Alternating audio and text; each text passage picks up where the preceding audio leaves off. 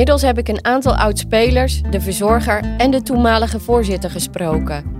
De een kan zich iets van de schaal herinneren, de ander meent dat er zelfs geen schaal was. Verhalen genoeg, maar het brengt me niet verder in de zoektocht naar de enige echte prijs die ertoe doet.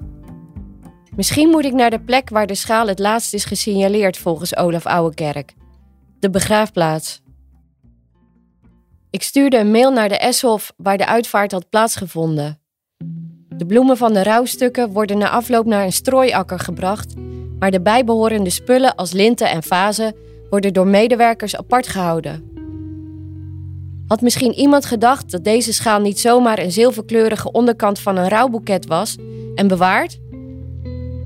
In gedachten zag ik daar de schaal boven de koffieautomaat hangen als ultiem pluk de dagsymbool. Een medewerker van de Eshof hielp me al snel uit deze droom. Goedemiddag Elisa. Het is inderdaad een bijzondere zoektocht waar u mee bezig bent. Maar ik ben bang dat wij als Eshof u hier niet bij kunnen helpen. U geeft zelf aan dat het al bijna 18 jaar geleden is geweest dat dit heeft plaatsgevonden. In die tijd is er hier op de Eshof ook een hoop veranderd en er zijn diverse collega's van toen nu niet meer werkzaam op de Eshof. Zelf ben ik reeds 14 jaar werkzaam op de Eshof, maar ik heb deze anekdote nog nooit vanuit collega's gehoord en ook het verhaal van de schaal is me niet bekend. Dit soort gebeurtenissen worden wel vaak gedeeld met collega's, maar dit verhaal zegt ons niks. Mocht de schaal destijds gered zijn, dan was dat zeker bekend geweest en dan had hij hier waarschijnlijk wel als trofee gestaan. Ik hoop voor u dat er toch nog een mooi einde aan het verhaal komt en dat de schaal terechtkomt, maar wij kunnen u helaas niet verder helpen. Dat kon ik geloven. Op een verdrietige plek als een begraafplaats zou een grappige anekdote als een kampioenschaal op een kist zeker bewaard zijn gebleven. De schaal trouwens ook, al was het om plakjes cake op te serveren. Hij kon me nog wel helpen aan de naam van de uitvaartondernemer die de plechtigheid had verzorgd. Zou ze nog een archief hebben van 18 jaar geleden? Vol goede moed tikte ik een keurige mail over de schaal, de uitvaart en de zoektocht naar nabestaanden. Een half uur later kreeg ik een verhelderend antwoord. Nee, geen herinnering aan deze plechtigheid, een glimmende schaal en nog had ze de gegevens van de familie. Afgezien dat het een beetje ongemakkelijk was om contact te zoeken met medewerkers van treurige zaken, dacht ik ook aan de begrafenis van mijn eigen vader. Die vond drie weken na de uitvaart van Jan Post plaats. Ik was destijds misschien dichter bij de schaal dan ooit, terwijl ik op dat moment afscheid nam van een man die mij de liefde voor het voetbal had bijgebracht. Oh, ironie, wat ben je toch een enorme grapjas. Er bleef één ding knagen. Dat was de dochter van de fysiotherapeut. Meerdere mensen wisten te vertellen dat meneer Post een dochter had en dat ze naar Duitsland was verhuisd. Ik zocht op het internet naar informatie over zijn familie. Veel stambomen kan je zonder veel moeite vinden op het wereldwijde web. Als je gaat zoeken op internet, dan kom je ongetwijfeld ook deze website tegen van Family Search. En dit is de website van de leden van de Kerk van Jezus Christus van de Heiligen der Laatste Dagen, oftewel de Mormonen. Ze hebben een enorme database met gegevens van voorouders en ze fotograferen over de hele wereld bij archieven historische bronnen en die zetten ze op hun website. Een raar fenomeen als je er goed over nadenkt.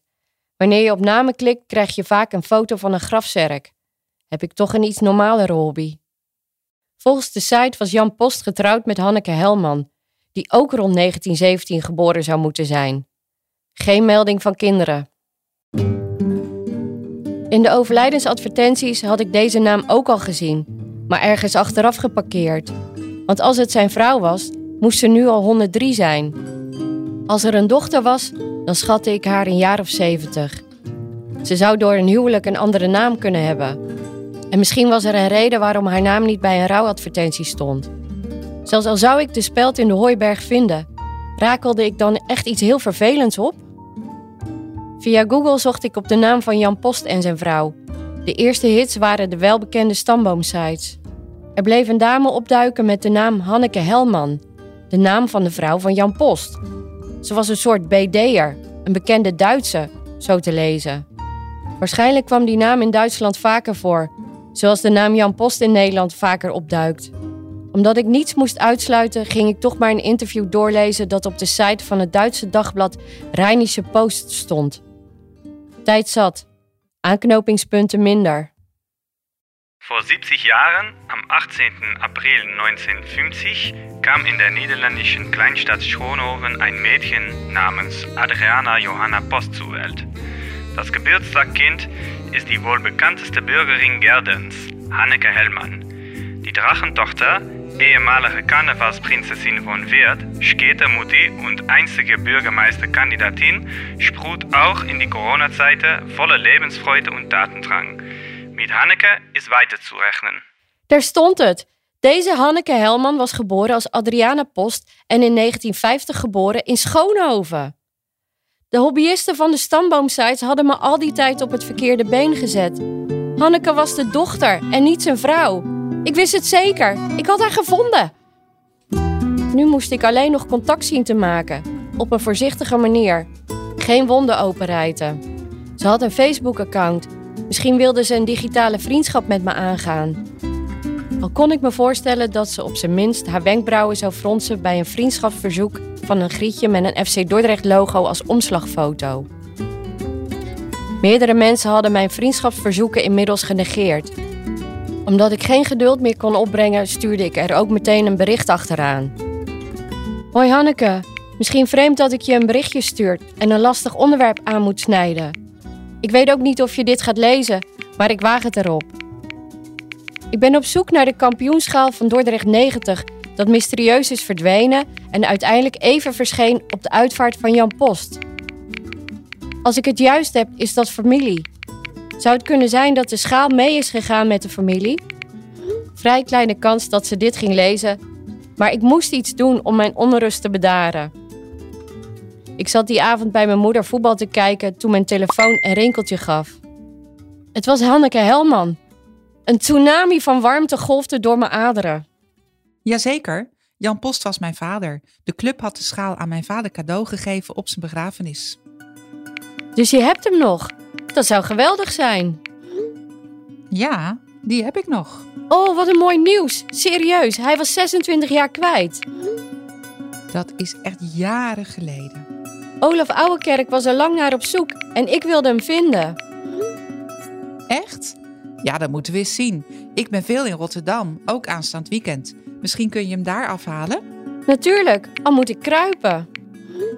Nou, prima toch? Waarom is dat zo belangrijk? Olaf was toen manager en de schaal was ontvreemd, vermoedelijk als geintje. Diegene bracht hem waarschijnlijk uit spijt terug op de begrafenis van je vader. De hele groep was er hoor toen. Ja, ze durfde toen niks te zeggen. Nee, zo was het niet. Sorry. De schaal diende als ondergrond voor bloemen, een krans. Dat hoorde ik ook. En toen wilde de manager hem weer meenemen. Dat weet ik nog precies. Als je hem wilt houden, dan kan dat hè? Ik ben al blij dat ik weet waar hij is. Nee joh, je kan hem hebben. Ik heb hem gehouden omdat mijn vader zoveel voor de vereniging gedaan heeft. Het gesprek ging nog een tijdje door. Niet alleen was zij in het bezit van de Heilige Graal, maar ze was als bonus echt een heel leuk persoon. In mijn zoektocht werd ik, ondanks een paar gesloten deuren, verrast met aardige, hulpvaardige mensen, maar met haar klikte het echt meteen. Hanneke stuurde een foto van de schaal. De resten van de rouwkrans waren nog zichtbaar. Zou ik dan echt de schaal hebben gevonden en hem binnenkort kunnen vasthouden? Het lijkt me te mooi om waar te zijn. Eerst zien, dan geloven. Ik hoop maar dat ze komt opdagen in Rotterdam.